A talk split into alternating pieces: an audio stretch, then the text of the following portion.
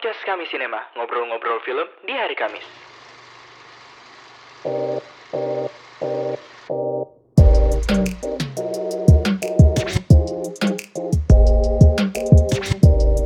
check check it check it check it out check Selamat pagi, selamat siang, selamat sore, dan selamat malam buat kamu yang sedang mendengarkan podcast kami, podcast kami Sinema. Selamat datang di episode terbaru kita. Semoga episode kali ini dapat menjadi teman untuk sahabat kami Sinema di tengah masa PPKM yang masih berlangsung sampai saat ini. Dan tanpa berlama-lama lagi, inilah dia episode ke-12 podcast kami Sinema, Class or Trash.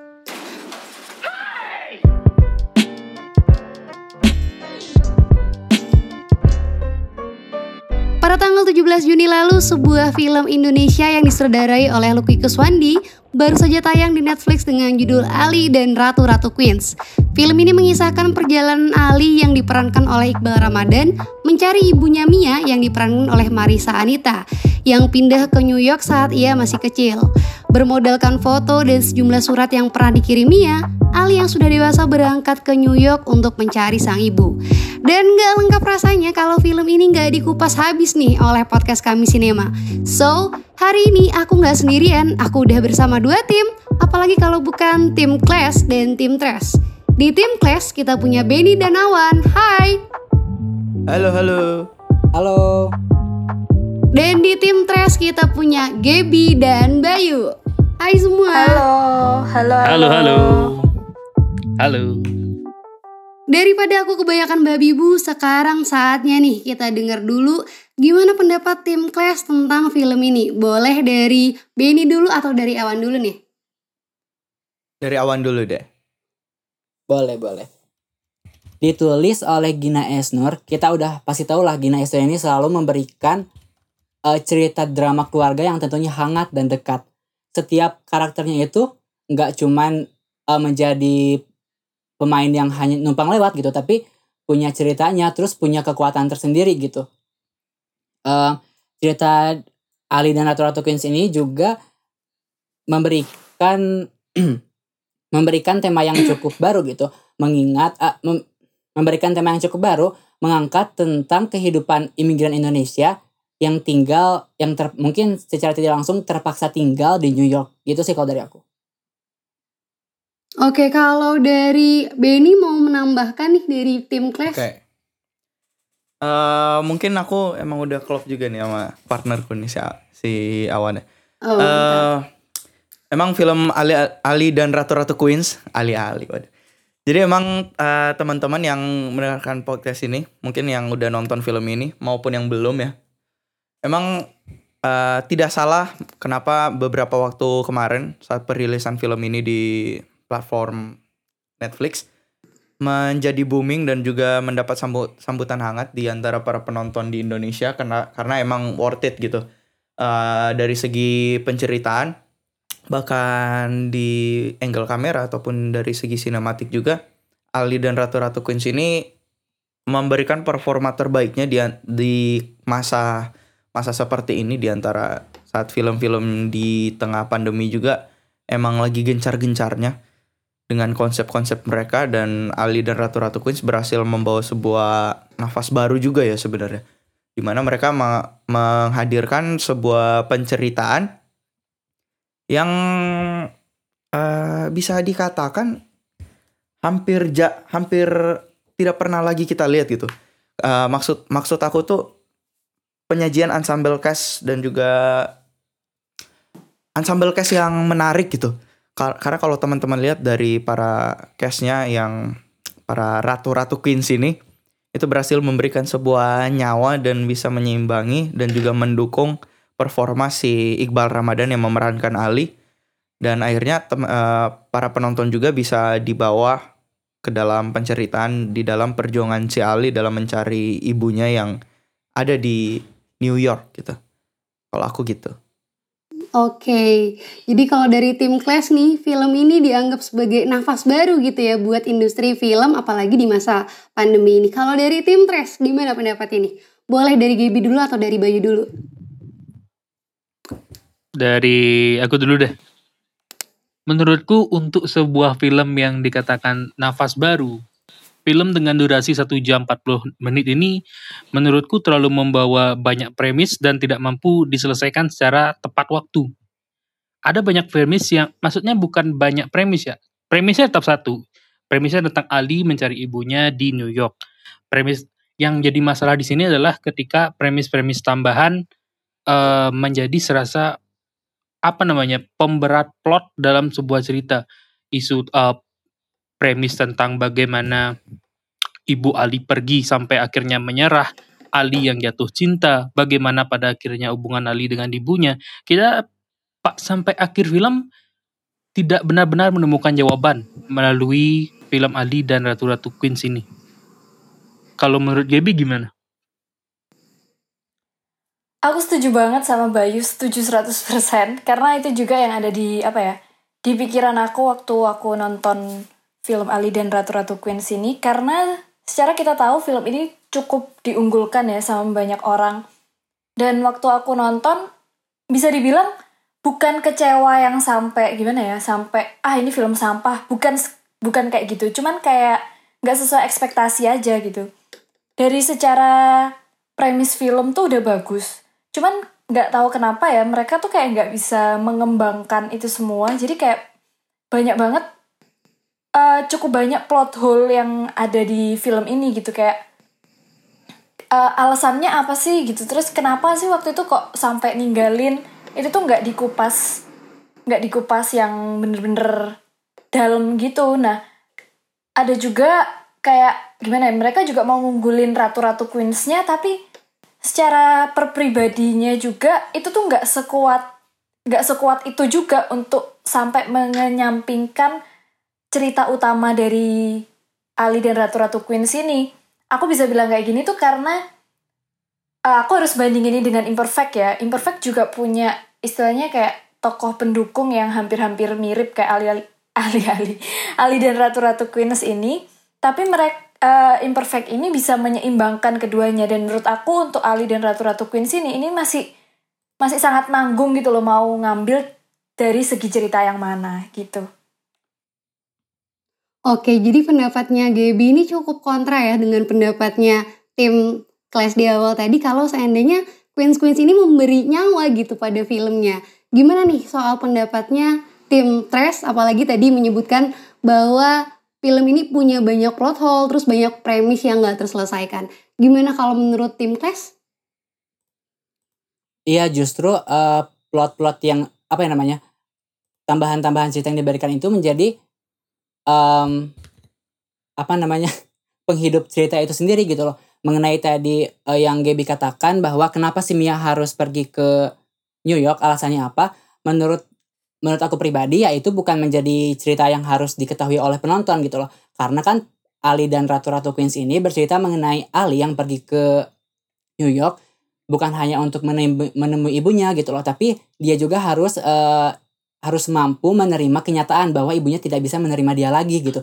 Dan di apa namanya? Dan di cerita inilah gitu bahwa dan di, dan di cerita ini juga si Ali bertemu dengan keluarga barunya gitu bahwa dengan si Ratu-Ratu Queen ini Bener-bener dan juga emang salah satu poin uh, yang bisa kita ambil dan juga mengapa aku sama Awan juga merasa kalau uh, kita tuh bener-bener berada di tim kelas untuk di film ini karena ta kalau kita lihat dengan secara teliti juga uh, dan kalau bahasa kiasannya tuh kalau kita berada di sepatunya si Ali ini uh, di mana si Ali ini datang dari uh, background keluarga yang emang dia secara tanda kutip terpaksa untuk besar di lingkungan keluarga yaitu di keluarga ayahnya ya. Ini aku cerita sedikit nih. Jadi emang di tipe keluarga ayahnya almarhum ayahnya yang emang dari segi sosial dari segi latar belakang itu emang tipe yang mencoba untuk mem, meng, apa ya mengurung lah istilah kasarnya ya dari si Ali ini untuk berhubungan dengan si ibunya. Jadi memang seorang uh, anak muda yang lahir dari sebuah perspektif akan dunia luar yang kayak intinya tuh dia dibesarkan dari keluarga yang wah dunia luar nih jahat itulah istilahnya ya yang dilihat dari gimana sikapnya sang ibunya Ali ini nggak balik lagi ke Indonesia karena mengejar mimpi. Nah, dari background itu mungkin kita udah bisa tahu ya gimana ekspektasi dari seorang Ali saat dia ingin ke New York gitu. Bener-bener karena dia ingin lepas dari sebuah belenggu sebuah kurungan yang udah dia hadapi dari lingkungan keluarganya yang yang modelan kayak gitu loh yang membanggakan diri mereka masing-masing dan kayak benar-benar mendikte mendikte ibu kamu tuh jahat gini gini gini. Akhirnya dia bera- memberanikan diri untuk ke New York dan dari situ juga disajikan bagaimana journey atau perjalanannya si Ali gitu. Dan benar-benar yang lahir dari gara-gara cuman sekedar pemikiran aku ingin ketemu ibu aku di New York dan itu di eh, di mulai diperlihatkan gitu perjalanannya gimana dia akhirnya bisa ketemu keluarga keluarga barunya dia bisa kenal para ratu-ratu Queens ini dan walaupun dan juga gimana perjalanan dia di negeri orang lain sampai akhirnya dia bisa kecewa dengan ibunya sendiri walaupun pada akhirnya dia bisa acceptance gitu ada sebuah perasaan ya udah dia menerima akan hal itu. Dan justru hadirnya apa ya hadirnya para ratu-ratu queens ini sebenarnya sebagai bentuk uh, solusi ataupun sebagai salah satu bentuk kelegaan dari si Ali yang emang berangkat dari tipe keluarga yang stricted gitu. Dan akhirnya dia bisa ngumpul uh, dia bisa menemukan sebuah keluarga yang unik yang bisa benar-benar menerima dia apa adanya. Dan itu salah satu kekuatan yang disajiin di dalam film ini gitu. Hmm, ini menarik nih. Jadi eh, kebanyakan orang mungkin nonton ini hanya terfokus pada Ali yang ke New York buat ketemu ibunya. Tapi kalau menurut Benny tadi, si Ali ini berangkat ke New York untuk membebaskan diri dari keluarga konservatif dan ketemu sama orang-orang yang kontras gitu ya sama keluarganya. Gimana nih kalau pendapatnya tim Trash? Oke, eh, kalau menurut aku sendiri gini sih, ini kan eh, cerita utamanya ada di Ali yang sedang mencari ibunya. Dan menurut aku tuh masih ada pertanyaan gini sih, pertanyaan emang ibunya kenapa sih waktu itu nggak mau balik ke Indonesia gitu? Apa emang cuman gara-gara ayahnya nggak nyampein pesan ke Ali atau gimana? Karena yang aku tahu di awal ayahnya kan ngebolehin nih ibunya buat pergi ke mana sih? Mana negara mana Amerika ya? Eh, Iya kan? ke New Itu- York. Iya. Ya, ya ke New York. Nah, kan kayaknya kayak ngebolehin gitu. Tapi terus kenapa sih kok tiba-tiba eh si ibunya Ali ini nggak mau balik lagi ke Indonesia? Menurut aku masih apa ya masih ada pertanyaan itu dan menurut aku itu pertanyaan yang eh, inti banget sih. Pertanyaan yang inti dari jalan cerita ini gitu. Kalau Bayu gimana, Bay? Iya, masih setuju sama Gaby. Ada banyak pertanyaan yang dalam tanda kutip masih mengganjal di hati, terutama tentang alasannya Ibu Ari, eh ibunya si Ali, eh, Bumia yang kenapa dia sampai pada akhirnya menyerah dan pada akhirnya memutuskan keluar memutuskan berkeluarga seolah-olah keluarga tuh jadi sebuah solusi dari segala macam gimana ya segala macam masalah penggiringan opininya ke arah keluarga adalah solusi dari segala masalah.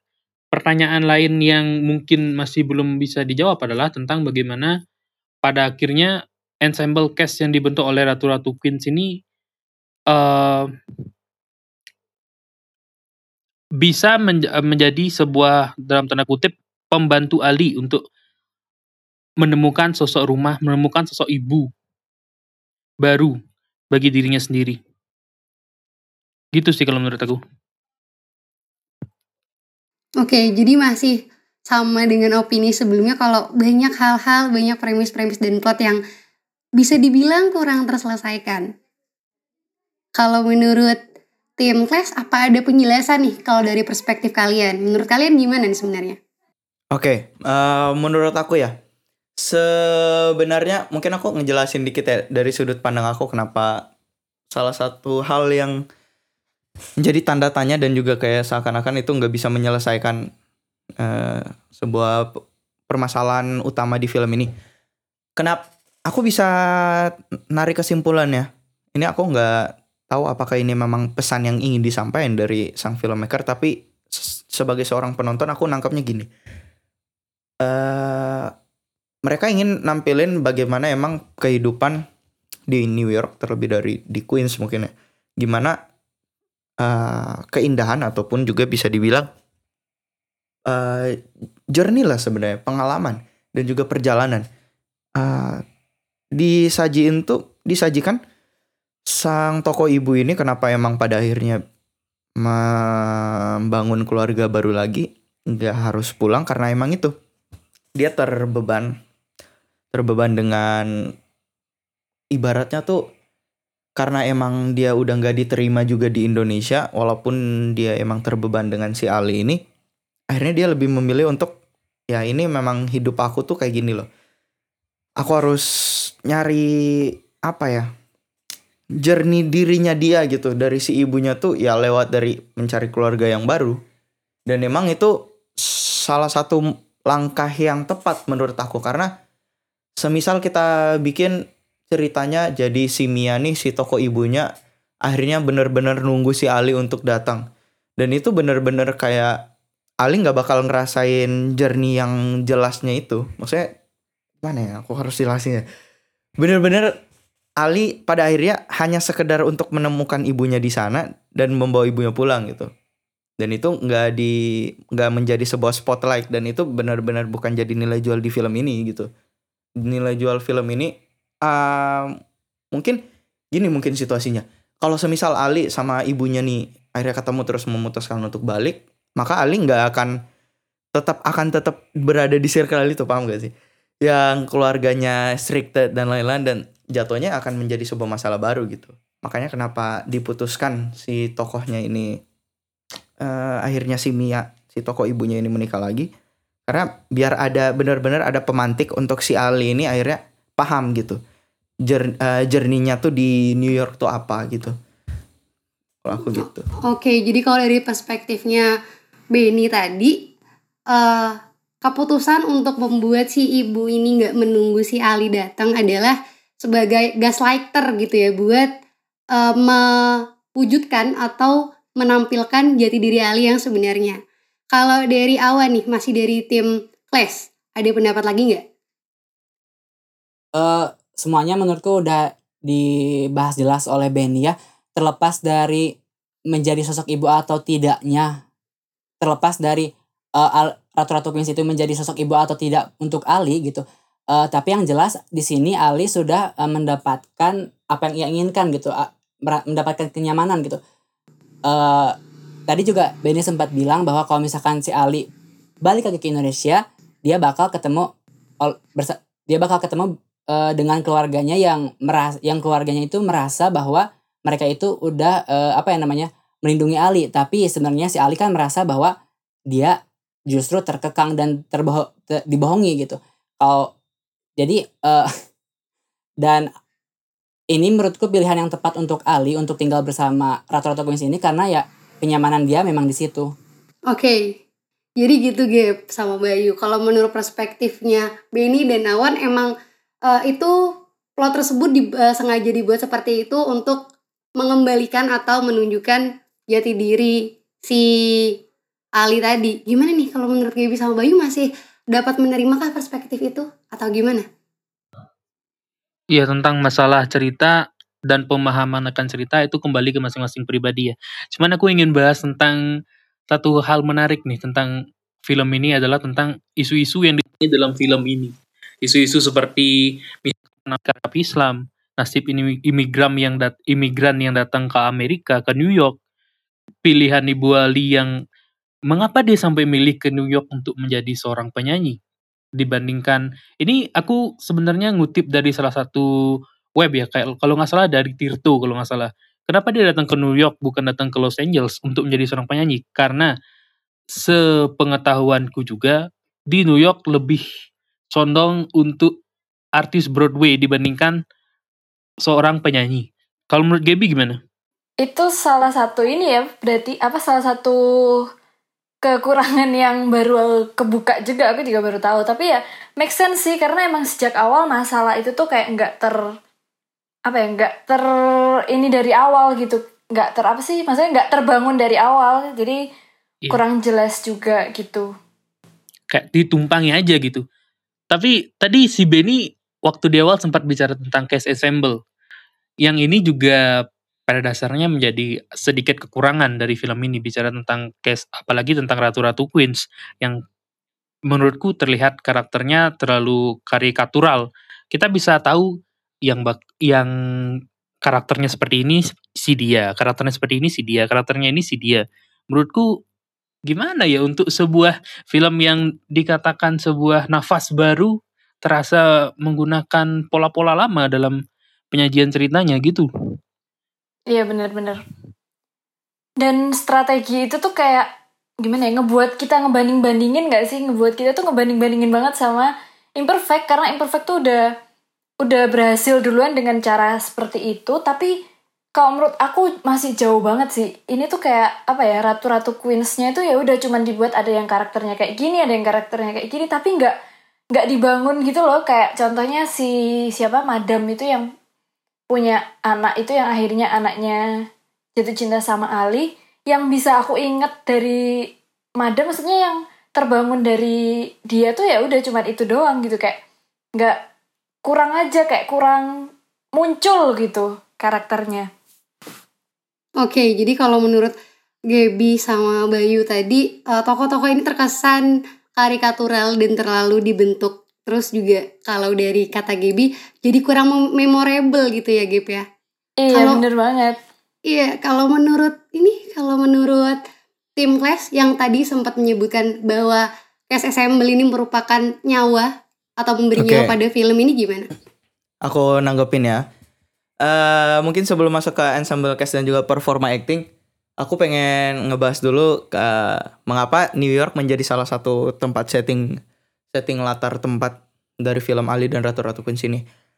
Eh menurut aku ya, karena emang ini salah satu yang pengen di highlight itu adalah perjuangan seorang perjuangan para wanita yang emang bener ingin berjuang memperjuangkan hidup dan mimpi mereka di New York gitu. Dan mengapa New York? Karena New York tuh bisa dikatakan sebagai kota freedom gitu, kota kebebasan. Dan ini juga menjelaskan kenapa mungkin bisa di riset lagi eh, populasi imigran Indonesia tuh kebanyakan itu ibu-ibu single ataupun para kaum wanita gitu. Salah satunya bisa digambarkan dari si Mia, tokoh Mia dan juga em, m- mengapa dia dia ingin mengejar mimpi di sana dan juga untuk para ratu-ratu queens ini itu mereka adalah merepresentasi merepresentasikan para wanita-wanita yang emang bahkan tidak bisa direpresentasikan secara penuh tapi beberapa pasti cukup mewakili dari para karakter ini. Yaitu eh, orang yang ditipu untuk ke luar negeri dan akhirnya dia harus bertahan hidup di sana. Eh, orang yang pada dasarnya eh, melakukan imi- imigran terus abis itu eh akhirnya ingin mencari pasangan hidup tapi gagal. Terus yang ingin eh, berjuang hidupnya di sana dan juga yang udah ada pasangan hidup tapi akhirnya pasangan hidupnya meninggal dan harus membesarkan anak semata wayangnya di sana. Dan itu cukup terwakili dan juga cukup tersampaikan lewat performa acting para ensemble cast mereka cast yang ada gitu. Dari baik dari Asri Welas terus juga ada Nirina Zubir terus Tika Pangabean dan juga hadirnya Mbak Happy Salma akhirnya di dalam film ini. Dan juga memang menurut aku menyajikan dan memberikan performa acting yang pas dengan model karakternya. Sebagai tanda kutip tukang pijet ya. Dan tipe-tipe karakter kalemnya itu itu mereka tuh gabung sebagai sebuah representasi gitu. Dan performa acting mereka menurut aku juga justru keluar semua gitu loh.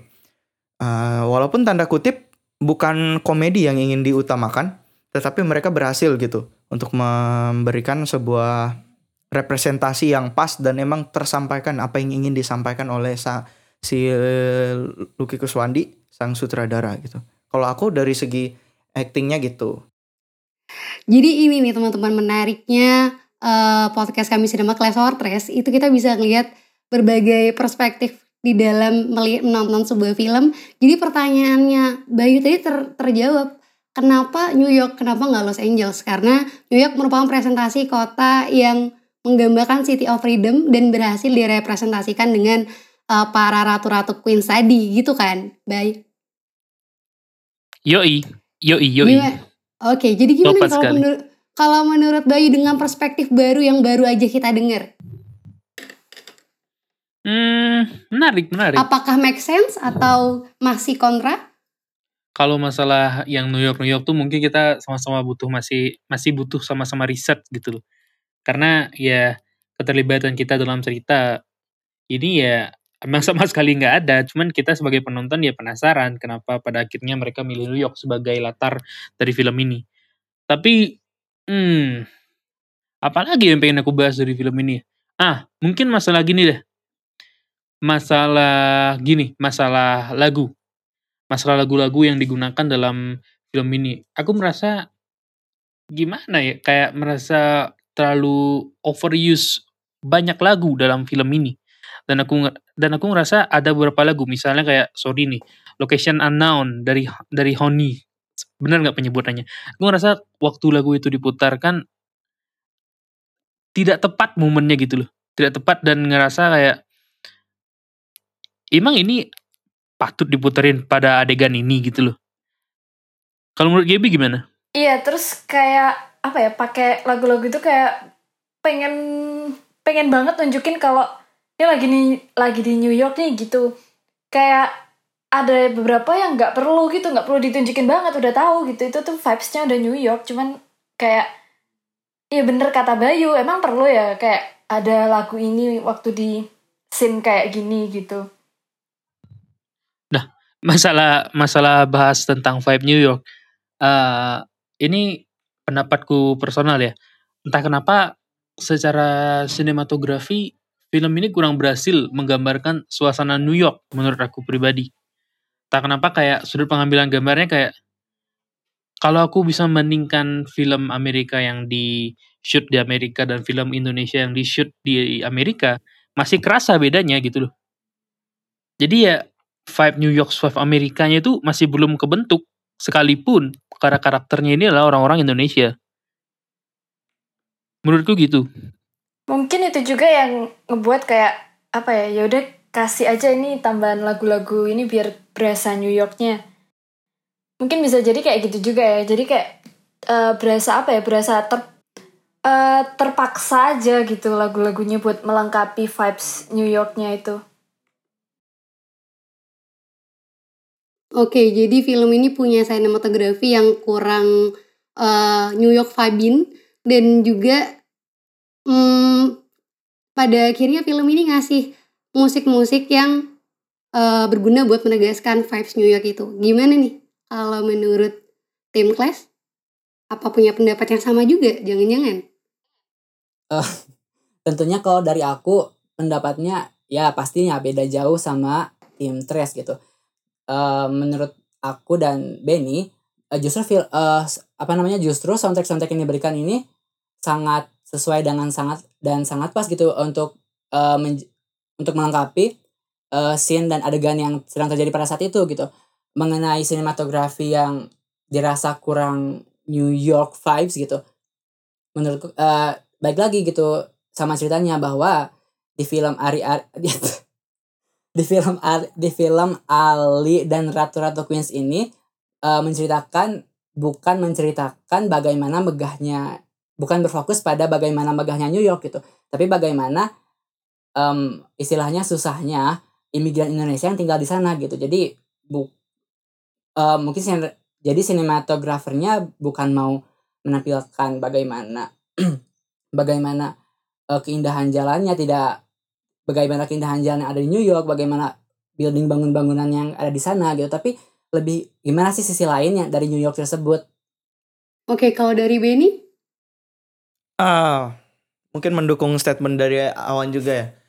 Aku sangat-sangat setuju juga dengan apa yang dikatain Awan dan memang udah klop juga kenapa penggunaan musik, pengambilan gambar, sinematografi yang emang pada dasarnya nggak nggak mengikuti pakem kalau di film-film kota-kota gede itu pasti harus menampilkan megah karena emang kita balik lagi merepresentasikan journey ataupun perjalanan para imigran ya di sini dalam cerita ini para imigran Indonesia yang emang eh, ingin memperjuangkan hidup mereka dan mimpi mereka di New York gitu. Makanya kenapa disajin mereka nggak naik eh, nggak naik mobil mewah, malah naik eh, subway. Terus juga mereka ada beberapa scene mereka ada di satu scene mereka nyari baju di thrift shop bukan di kayak toko-toko mahal gitu kan.